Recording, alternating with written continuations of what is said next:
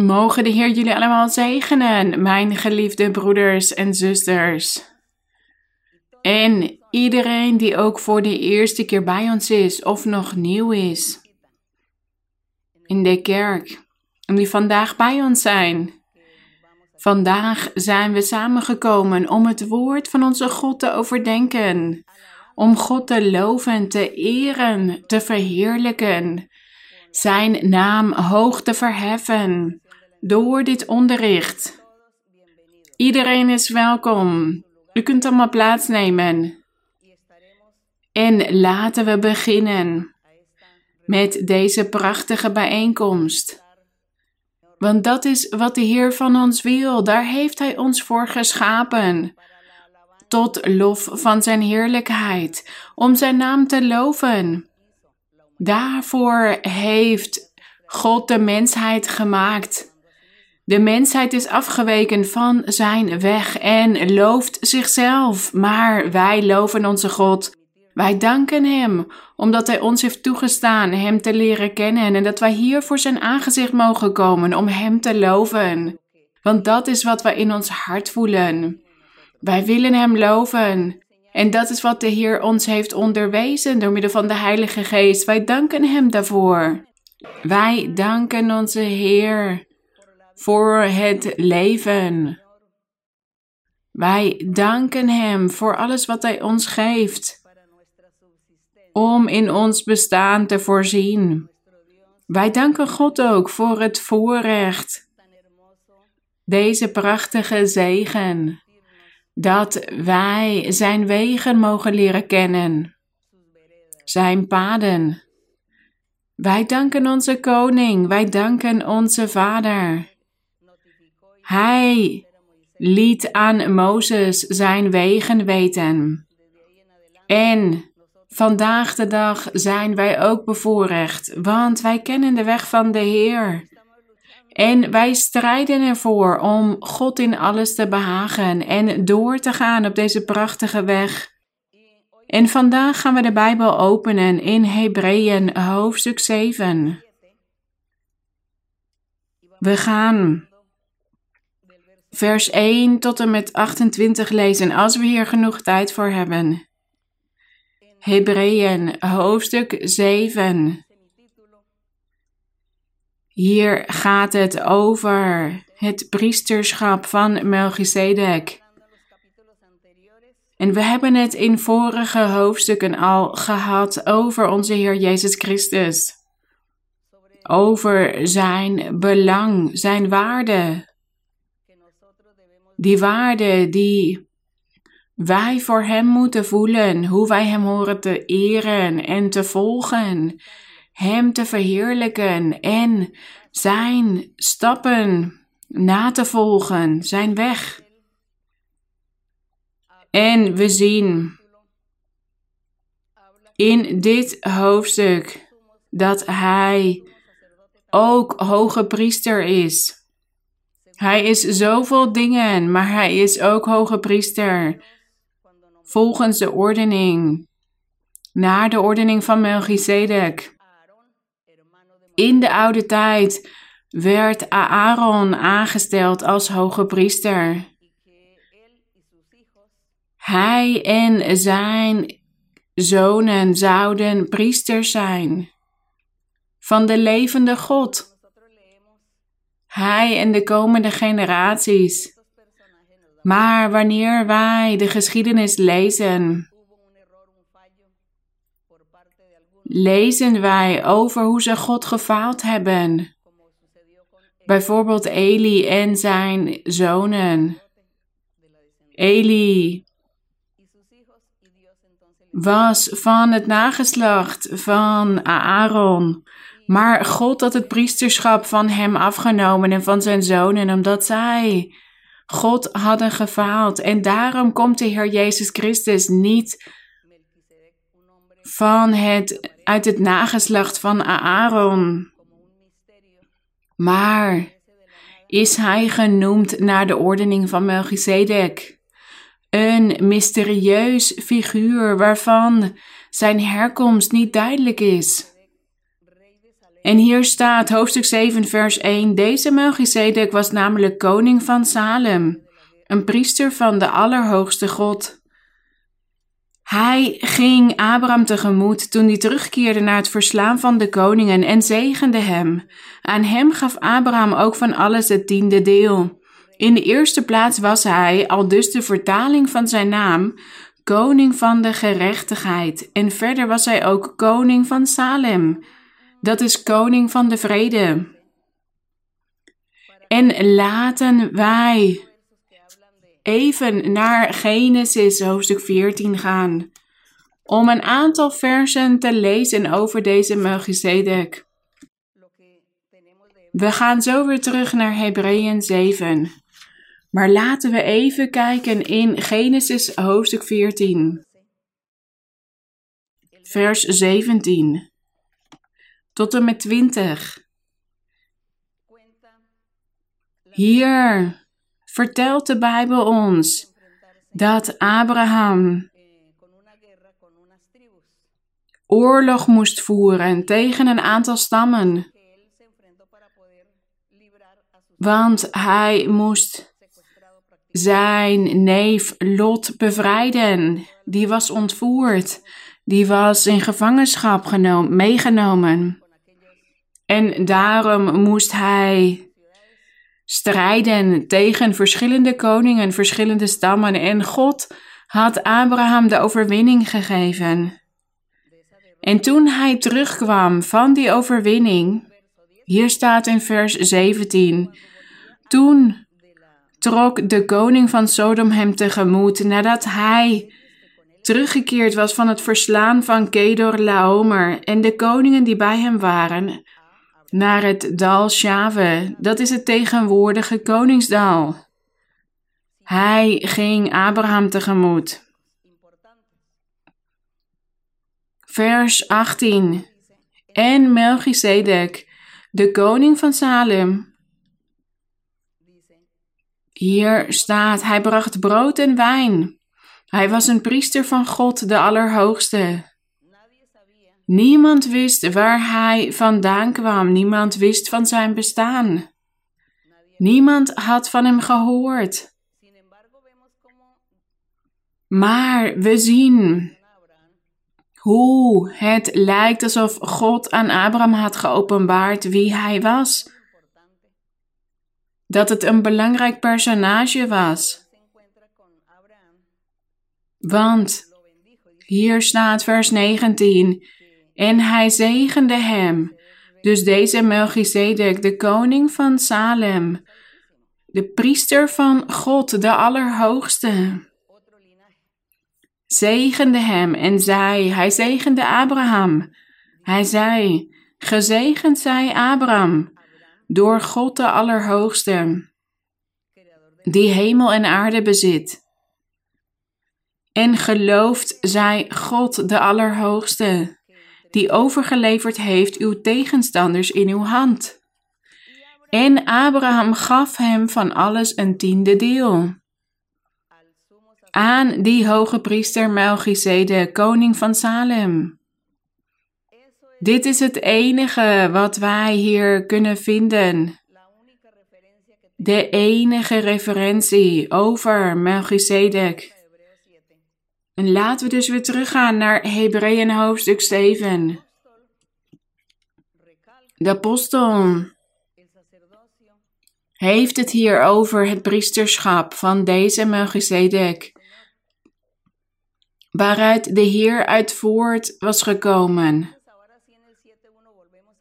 Hij was hoge priester geworden naar de ordening van Melchizedek. Vers 1 nog een keer van Hebreeën hoofdstuk 7. Deze Melchizedek was namelijk koning van Salem, een priester van de Allerhoogste God. Hij ging Abraham tegemoet toen hij terugkeerde na het verslaan van de koning en zegende hem. Aan hem gaf Abraham ook van alles het tiende deel. In de eerste plaats was hij, al dus de vertaling van zijn naam, koning van de gerechtigheid. En verder was hij ook koning van Salem, dat is koning van de vrede. En hier staat het geheimenis, vers 3. Deze koning van Salem, deze koning van de vrede, deze Melchizedek, zonder vader, vers 3, zonder vader, zonder moeder, zonder stamboom, kent hij geen begin van dagen en ook geen levenseinde, maar aan de Zoon van God gelijk gemaakt, blijft hij in eeuwigheid priester, gezegend zij onze God.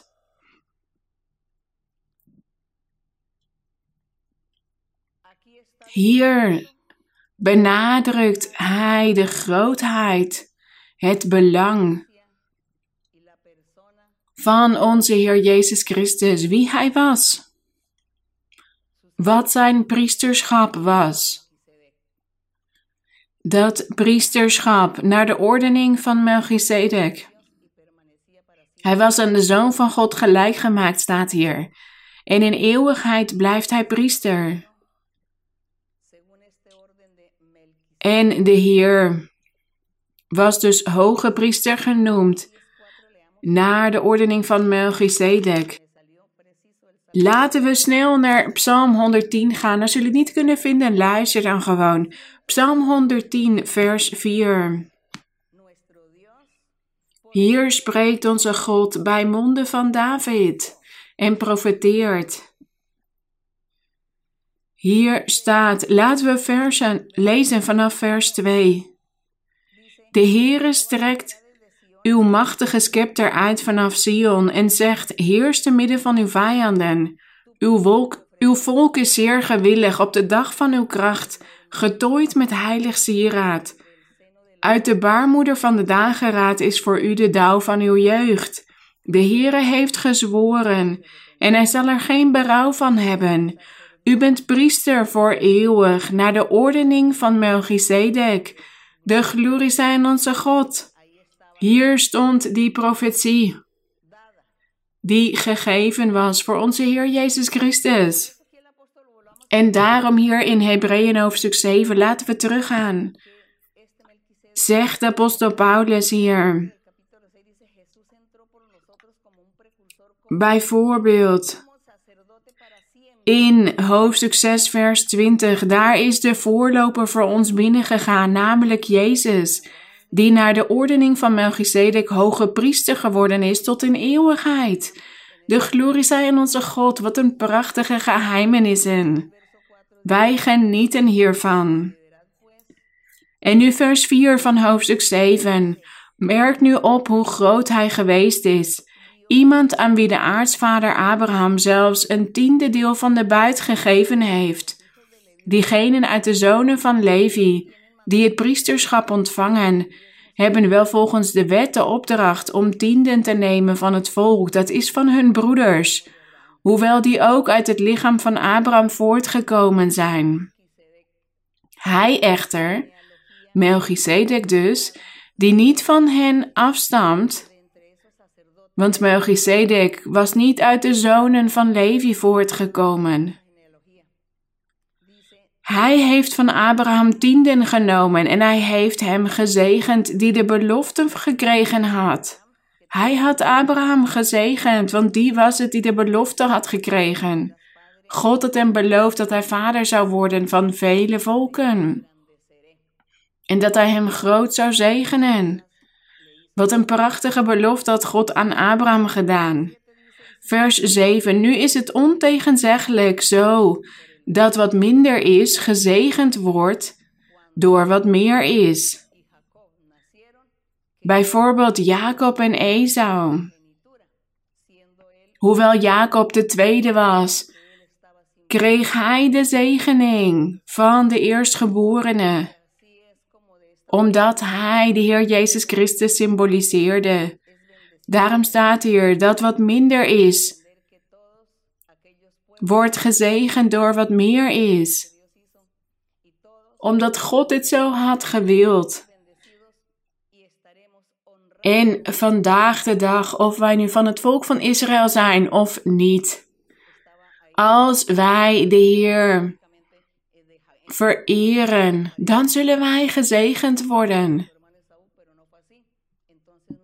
Want de Heer Jezus Christus had ook die plek ingenomen van eerstgeborenen. En daarom moeten wij Hem eren en Hem loven. En dan zullen we gezegend worden door God. Dus deze profetie wordt zo ook vervuld. Dat wat minder is, wordt gezegend door wat meer is. Want ja, eigenlijk waren het de eerstgeborenen die gezegend moesten worden. En Aaron had ook die belofte ontvangen van God dat hij priester zou zijn voor eeuwig. Maar omdat hij God had gefaald, zijn generaties, heeft God dat priesterschap van dat geslacht afgenomen. En de Heer Jezus Christus als hoge priester is genoemd naar de ordening van Melchizedek, niet naar de ordening van Aaron. Grote geheimenissen. Maar God wil gewoon dat wij dit geloven. Dat wij hier niet aan twijfelen. Dat wij alles geloven wat Hij ons onderwijst, zonder dit in twijfel te trekken en er veel over te vragen. Het gaat hier over de grootheid van onze Heer Jezus Christus. En in vers 8, de apostel is de Heer Jezus Christus hoog aan het verheffen. Hij is zijn grootheid aan het benadrukken, want in die tijd waren er ook al vele vijanden die de volgelingen van het ware evangelie aan het vervolgen waren. Er was veel twijfel, veel ongeloof, veel controverse. Maar de apostel Paulus was daarom, dankzij de hulp van de Heilige Geest, altijd de Heer Jezus Christus aan het loven, aan het verheerlijken, zijn bestaan, alles wat hij was toen hij op de aarde was geweest. En hier staat in vers 8: En hier nemen sterfelijke mensen tienden. Maar daar nam iemand ze van wie getuigd wordt dat hij leeft. En om zo te zeggen, ook Levi, die tienden neemt, heeft door Abraham tienden gegeven. Want hij was nog in het lichaam van zijn vader toen Melchizedek hem tegemoet ging. Levi was nog niet geboren toen Abraham de tienden aan de hoge priester Melchizedek gaf. Levi was nog niet geboren. Daarom staat hier, hij was nog in het lichaam van zijn vader. Maar hij bestond wel in het idee van God, in het plan van God. Hij was nog niet geboren. Maar God wist wat er allemaal zou gebeuren. Voor God is alles al gedaan, alles is al gebeurd, ook de dingen die nog niet eens bestaan. Voor ons als mensen, ja, wij moeten soms wachten, lang wachten op vele dingen, op de vervulling van beloften. Maar voor God is alles al een werkelijkheid. Dat is die, dat geheimenis van God. Dus vers 10, want hij was nog in het lichaam van zijn vader toen Melchizedek hem tegemoet ging. Ja, Levi was alleen nog een project, een plan van God, dat hij zou komen in de toekomst. Deze personages. En God zou dat volk van Israël vormen. Maar dat was nog niet gebeurd. Vers 11. De apostel zegt: Als dan door het Levitische priesterschap de volmaaktheid bereikt, had kunnen worden, want onder dit priesterschap had het volk de wet van Mozes ontvangen, waarom was het dan nog nodig dat er een andere priester naar de ordening van Melchizedek zou opstaan? Een van wie niet gezegd kan worden dat hij naar de ordening van Aaron was. Hier gaat het over de volmaaktheid, want hij was hier het evangelie van de Heer aan het verkondigen. Het evangelie waarvan de Heer zegt: Wie in mij gelooft en wie mij volgt, die zal een nieuw mens worden, een nieuw schepsel. En die zal volmaakt kunnen zijn. Want de Heer zal hem daarbij helpen. Alle mensen over de wereld die door God geroepen worden, voor zijn evangelie. Die zullen volmaakt worden, gemaakt door de Heer. Maar niet door de wet van Mozes, maar door het evangelie van de Heer Jezus Christus. De Heer Jezus Christus als hoge priester. Dit zijn geheimenissen. En velen kunnen dit niet begrijpen. Want om dit te begrijpen, moeten wij eerst ons hart aan God geven. We moeten in Hem geloven, op Hem vertrouwen, Hem aannemen. En we moeten ook een gepast leven gaan leiden, zodat God ons kan aannemen, zodat Hij ons naar ons omkijkt en ons onderwijst en ons verlicht en ons op zijn weg zet, zodat wij zijn geheimenissen kunnen begrijpen. Wij moeten ons wezen aan God geven. En daarom is dit moeilijk om te begrijpen. Daarom zijn er vele mensen die zeggen dat ze de Bijbel lezen en dat ze hier gek van worden, dat ze het niet begrijpen. Maar dit boek is voor intelligente mensen, voor wijze mensen, die nederig zijn, vredestichters. Degenen die hun hart bereidwillig hebben om in God te geloven, om God te volgen. Voor hen is dit boek. En dan zullen alle geheimenissen geopenbaard worden. Voor die mensen zullen er geen geheimenissen meer zijn, geen moeilijke dingen om te begrijpen. In deze tijd van de apostel Paulus was er veel controverse, was er veel vervolging. Hij moest velen overtuigen met de kracht van God dat hij gelijk had. Dat wat hij onderwees het ware woord was. En dat het allemaal opgeschreven stond. Het staat allemaal opgeschreven. De Heer Jezus Christus. Toen zijn onderricht verworpen werd, zei de Heer tegen hen die hem vervolgden: Jullie kennen de schriften niet. Hebben jullie de wet van Mozes niet gelezen?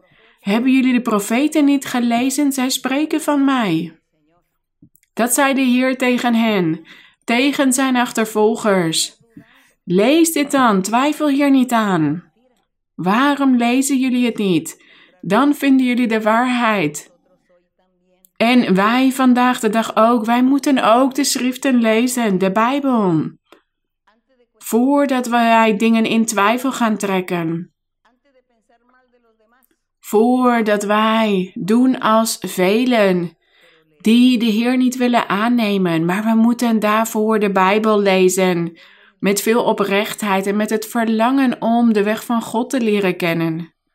Op die manier zal God ons zijn geheimenissen bekendmaken. Dan zal Hij ons leiden en Hij zal ons op deze weg helpen om door te gaan. De weg die Hij voor ons heeft uitgestippeld.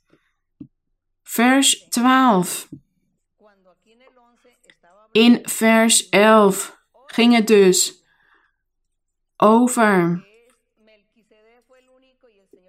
dat de Heer Jezus Christus naar de ordening van Melchizedek was gekomen, niet naar de ordening van Aaron.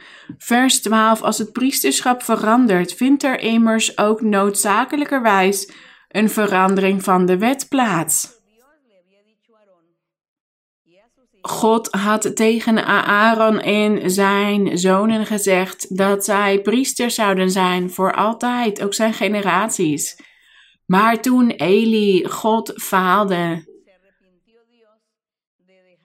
nam hij toch het priesterschap van hen af, van dat geslacht van Aaron.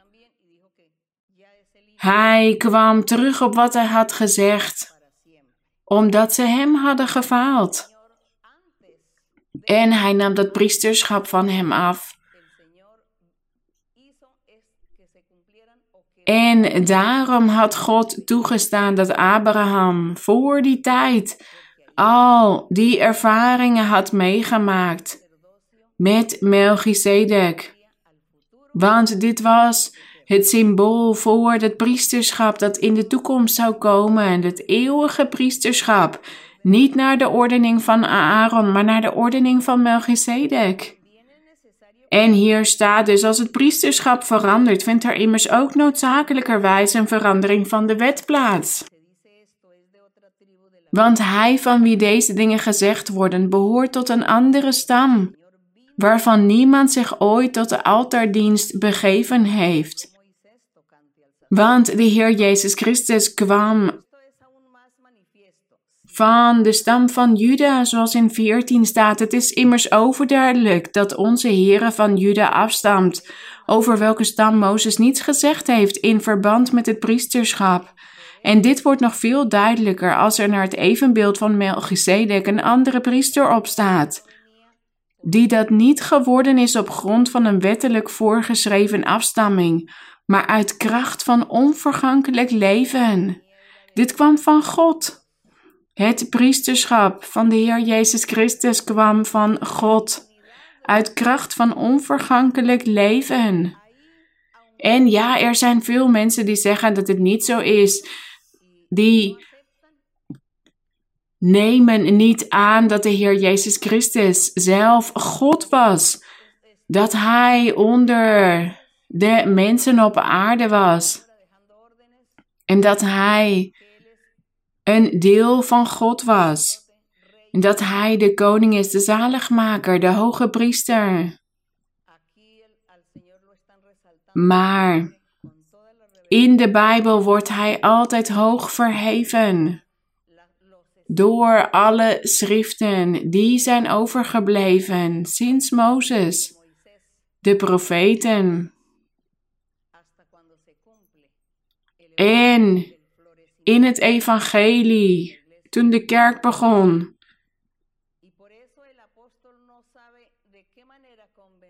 Wist de apostel Paulus eerst niet hoe hij de ongelovigen moest overtuigen hiervan. En wij strijden hier vandaag de dag ook voor. Om diegenen die niet willen geloven, die de Heer niet willen aannemen, te overtuigen. Er zijn vandaag de dag wel duizenden religies in de tijd van de apostel Paulus was het of de wet van Mozes of de heidenen. Vandaag de dag zijn er wel duizenden verschillende religies. En wij moeten mensen ook overtuigen van de kracht van God. En daar strijden wij voor. Om te laten zien dat de Heilige Geest zich in ons midden beweegt. En daarvoor moeten wij de kracht van God laten zien geestelijke gaven die volmaakt zijn. En we moeten een oprecht leven leiden voor God, vele dingen afleggen, zonden, fouten, zodat wij in heiligheid kunnen leven. En met de hulp van God kunnen wij dit bereiken, want dit is Zijn belofte. De belofte die Hij ons heeft gegeven. En daarom strijden wij ook om die ongelovigen te overtuigen, degene die de Heer niet aannemen. Wij willen hen ook de goddelijkheid van de Heer Jezus Christus laten zien. Wat Hij allemaal is en is geweest. En hier staat in vers 17, Hij getuigt immers. Hier gaat het over Psalm 110. U bent priester in eeuwigheid. Naar de ordening van Melchizedek want de terzijdestelling van het voorgaande gebod vindt plaats vanwege zijn zwakheid en nutteloosheid. Dus toen de Heer profeteerde bij monden van David in de psalmen en zei, u bent priester in eeuwigheid, naar de ordening van Melchizedek. Dat was die belofte, dat hij priester zou zijn tot een eeuwigheid. En dat het voorgaande gebod terzijde werd gesteld. Het priesterschap van Eli, omdat hij God had gefaald. Hier staat vanwege zijn zwakheid en nutteloosheid. God had het priesterschap van hen afgenomen. en het aan iemand anders gegeven. Vers 19. De wet heeft namelijk niets tot volmaaktheid gebracht. Geen enkel mens heeft volmaakt kunnen worden dankzij de wet van Mozes. Maar de totstandbrenging van een betere hoop, waardoor wij tot God naderen, doet dat wel. Dus de wet kon niemand volmaakt maken, maar de Heer Jezus Christus wel. Als koning, als hoge priester, als herder, als profeet, als boodschapper, de gezant van God, de voorloper, de weg die naar het eeuwige leven leidt. Hij wel, hij kan mensen volmaakt maken. Hij heeft dit al gedaan en hij kan dit blijven doen. Omdat hij zelf volmaakt was geweest. En zijn kerk zal volmaakt zijn, bestaande uit mannen en vrouwen van over de hele wereld. En hier staat het heel duidelijk, dus laat er geen koppigheid in ons hart zijn, geen grilligheid. Want er zijn veel mensen die zoveel dingen in hun hart geworteld hebben, gewoonten, gebruiken, hun cultuur. Ik ken mensen die zeggen: Ja, de kerk waar u naartoe gaat, ik weet dat God zich daar openbaart. Het is prachtig, het is allemaal heel mooi. Maar mijn familie en ik, ja, wij hebben een godsdienst sinds vele jaren. Dit is onze cultuur, dit is onze traditie en ik kan dit niet naast mij neerleggen. Het is dan hun cultuur geworden. Dat zeggen mensen, sommigen. Maar wij, die hier voor Gods aangezicht staan, ja, wij hadden ook een cultuur of we hadden ook gewoonten gebruiken. Maar God heeft dat uit ons hart weggerukt en Hij heeft ons gereinigd. Hij heeft ons vernieuwd. En Hij zegt tegen ons: geloof in het ware evangelie, in Jezus Christus, de Zoon van God, in God zelf. Want Hij is de enige. Er zijn duizenden religies, maar geen enkele maakt volmaakt of verlost, behalve die van de Heer Jezus Christus. Dus in plaats van die koppigheid en opstandigheid, ongeloof, laten wij knielen, laten wij ons vernederen voor God en laten wij tot God bidden in geest en waarheid. Laten wij tot God zeggen: Heer, openbaar mij de waarheid. Ik wil uw weg volgen, uw weg kennen. Ik wil u ontmoeten. Ik wil uw aanwezigheid voelen in mijn leven. Ik wil dit voor mij. Ik heb over duizenden religies gehoord. Dit kunnen we zeggen tegen God. En ik heb ook over de Heer Jezus Christus gehoord, maar ik weet niet waar ik in moet geloven. Wat is de waarheid?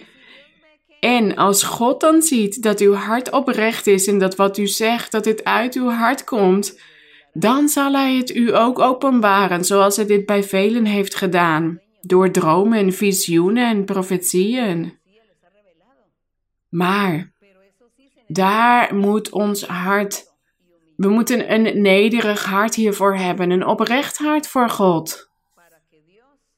Zodat God naar uw verzoek luistert. Het verlangen van uw hart. Dus niet uit trots of koppigheid dat u God op de proef gaat stellen. Nee, met nederigheid in uw hart. Met het verlangen om God te leren kennen en van Hem te houden. En hier in vers 21.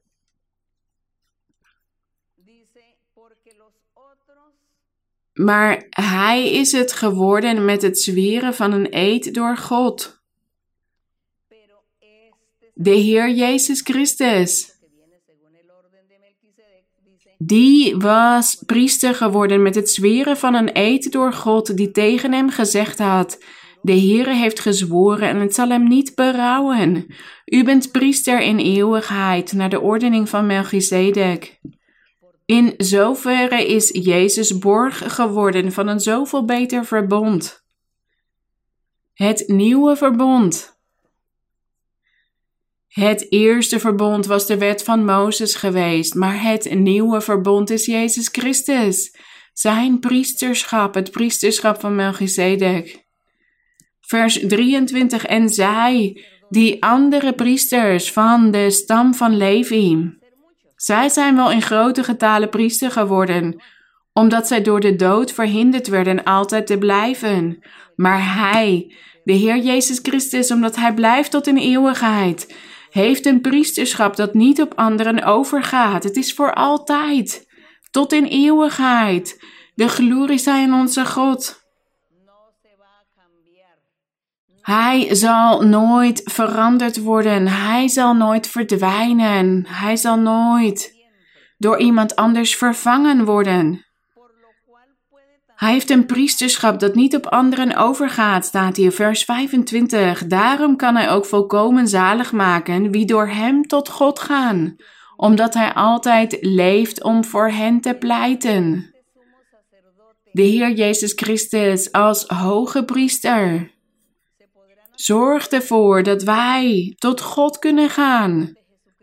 Door Hem, want Hij is de weg Jezus Christus is de weg. Wilt u God kennen? Dan zegt de Heer Jezus Christus tegen u: Ik ben de weg tot God. Ik ben de weg. Ik zal u tot God brengen. Dat staat hier. Hij kan volkomen zalig maken wie door hem tot God gaan, omdat hij altijd leeft om voor hen te pleiten. Hij leeft voor altijd, staat hier, en hij zal pleiten voor degenen die God willen leren kennen en Hem willen bereiken. 26. Want zo'n hoge priester, de Heer Jezus Christus dus, hadden wij nodig. De glorie zij aan God. Heilig, onschuldig, onbesmet, afgescheiden van de zondaars en boven de hemelen verheven. Gezegend zij onze God. Hij heeft het niet nodig, zoals de hoge priesters, elke dag eerst voor zijn eigen zonden slachtoffers te brengen, zoals de hoge priesters van de stam van Levi. De priesters in de oude tijd moesten eerst veel slachtoffers brengen om eerst hun eigen, om eerst vergeving voor hun eigen zonden te vragen aan God. En pas daarna voor die van het volk staat hier. Maar de Heer Jezus Christus hoefde dit niet te doen, want hij was zelf zonder zonde geweest. En hij heeft dus een offer gebracht om ons te reinigen. Want hij zelf was heilig, onschuldig, onbesmet, afgescheiden van de zondaars en boven de hemelen verheven. Vers 27 nog een keer. Hij heeft het niet nodig zoals de hoge priesters. Elke dag eerst voor zijn eigen zonde slachtoffers te brengen en pas daarna voor die van het volk. Want dat heeft hij voor eens en altijd gedaan toen hij zichzelf offerde op het kruis van Golgotha. De glorie zij in onze God voor eens en altijd. Vers 28, want de wet stelt mensen, de wet van Mozes, stelt mensen die met zwakheid behept zijn, aan als hoge priester. Ja, wij als mensen, wij zijn zwak. Daarom staat hier met zwakheid. Want de vijand is sterker. En hij kan vallen voor ons uitzetten en hij kan ons hierin laten trappen. Hij kan ervoor zorgen dat wij God falen. Dat is die zwakheid. Want de wet van Mozes stelt mensen die met zwakheid behept zijn aan als hoge priester. En zij kunnen dus God falen. Maar het woord van de eed die na de wet gezworen is, stelt de zoon aan. Het woord van de eed De belofte aan Abraham en ook die belofte aan Melchizedek. Zoals we gelezen hebben, dat God had gezworen door middel van een eed, dat Melchizedek priester zou zijn in eeuwigheid. En dat was de Heer Jezus Christus. Hij was gelijk gemaakt aan de Zoon van God. Het was de Heer zelf. Melchizedek was de Heer Jezus Christus zelf. En hier staat dus dat het woord van de eed, die na de wet gezworen is, na de wet. Dit was na de wet van Mozes, dit woord van de eed. Want het was David die dit profeteerde. Hij stelt de zoon aan die tot een eeuwigheid volmaakt is. De glorie zij aan de Heer. Wat was die dat woord van de eed? U bent priester in eeuwigheid naar de ordening van Melchizedek. Dus vers 28 nog een keer, want de wet stelt mensen die met zwakheid behept zijn aan als hoge priester. Maar het woord van de eed, die na de wet gezworen is, na de wet van Mozes, bij monden van David, stelt de zoon aan die tot in eeuwigheid volmaakt is. Volmaakt tot in eeuwigheid. Dus wij worden niet bedrogen. Deze weg is de waarheid. Zo leren wij God kennen. En wij ontdekken geheimenissen in het woord van onze God. En wij worden hiervoor geholpen door de Heilige Geest. Want ja, we kunnen dit boek, als we dit zelf lezen, alleen lezen. Dan zien we, ja, het is een literair werk. Wellicht wordt het ooit een keer alleen digitaal, maar het woord van God is levend. De Heilige Geest kan nooit iets elektronisch worden. Het woord van God, het levende woord zal altijd blijven bestaan. Deze beloften. Deze beloften over de hoge priester Melchizedek, over de Heer Jezus Christus. En daarom moeten we zijn weg volgen. In Hem geloven, Hem volgen, Hem verheerlijken, Hem prijzen. En tot God bidden in de naam van onze Heer Jezus Christus. Zo horen wij te bidden. In de naam van onze Heer Jezus Christus, want Hij is de weg. Hij is de waarheid. En Hij brengt ons tot God. Mogen God jullie allemaal zegenen. Dank jullie wel, mogen God jullie zegenen. Laten we gaan bidden tot onze Vader. Gezegende God, Almachtige. Vader, schepper van de hemelen en de aarde. Hemelse Vader, u hebt zich sinds het begin der tijden aan de mens geopenbaard. U bent altijd in contact geweest met de mens. U hebt de mens nooit alleen gelaten. U bent altijd daar geweest om naar iedereen om te kijken. Sinds Adam tot op de dag van vandaag hebt u zich geopenbaard op duizenden verschillende manieren aan de mens. U hebt sommigen groot gezegend, anderen hebt u gestraft. Maar voor velen is die straf ook goed geweest om u te leren kennen. En daarom staan wij vandaag de dag hier voor uw aangezicht. En wij bewandelen deze weg van het evangelie. Wij bewandelen de paden van gerechtigheid de paden van gerechtigheid, die bestaan om een heilig leven te leiden, een oprecht leven, een behagelijk leven. Dat is wat u van ons wil. En dat is wat u ons onderwijst. Dat we het goede horen te doen. We danken u voor die waarden. Voor die deugden, voor die kwaliteiten die u ons geeft en ons onderwijst. Wij danken u, Vader, want u hebt geen afstand van ons genomen. Maar u bent altijd juist geduldig met ons geweest. En uw barmhartigheid is zo dicht bij ons. Wij danken u, eeuwige God, voor uw liefde. En wij vragen u uit uw grote barmhartigheid in de naam van uw Zoon, de Heer Jezus Christus, om uw krachtige hand uit te streken. Uw genezende hand over alle mannen, vrouwen, kinderen, ouderen die ziek zijn, die verschillende ziekten hebben.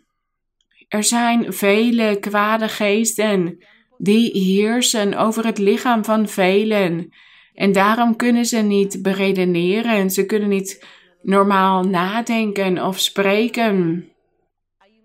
Er zijn vele kwade geesten die ervoor zorgen dat mensen niet normaal kunnen spreken of niet voor zichzelf kunnen zorgen, omdat ze vastgebonden zijn door die duivelse ketens. En zij lijden hieronder en ook hun familieleden. Heer, wees barmhartig in de naam van uw Zoon, de Heer Jezus Christus, wees barmhartig en genees, bevrijd.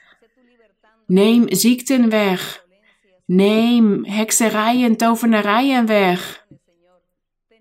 Wees barmhartig, mijn Heer. Er zijn ook velen die op bed liggen en zo ziek zijn dat ze zich niet kunnen bewegen.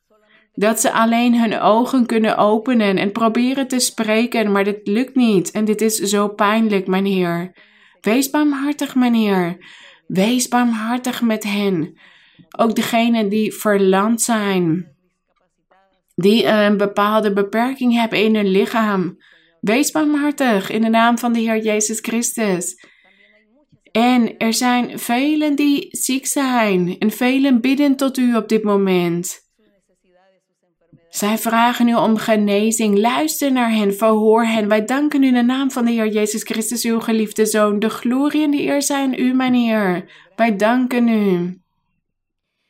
Hij heeft zoveel voor mij gedaan. Hij heeft zoveel voor mij gedaan. Ik kan nooit de helft vertellen van alle dingen die de Heer voor mij heeft gedaan. Hij heeft zoveel voor mij gedaan. Hij heeft zoveel voor mij gedaan. Ik kan echt nooit de helft vertellen van alle dingen die gedaan. Ja, mijn Heer, zoveel hebt u voor ons gedaan. Zoveel heeft God voor ons gedaan. Wij danken onze God, de glorie en de eer zijn aan Hem. Dank jullie wel, mijn broeders en zusters. Ook jullie die nieuw zijn. Mogen God jullie zegenen. Ga vooruit. Kom samen in de plekken van samenkomst dat jullie handoplegging ontvangen en profetie. Een groet voor jullie allemaal ook voor de kinderen. Dank jullie wel. Mogen God jullie zegenen.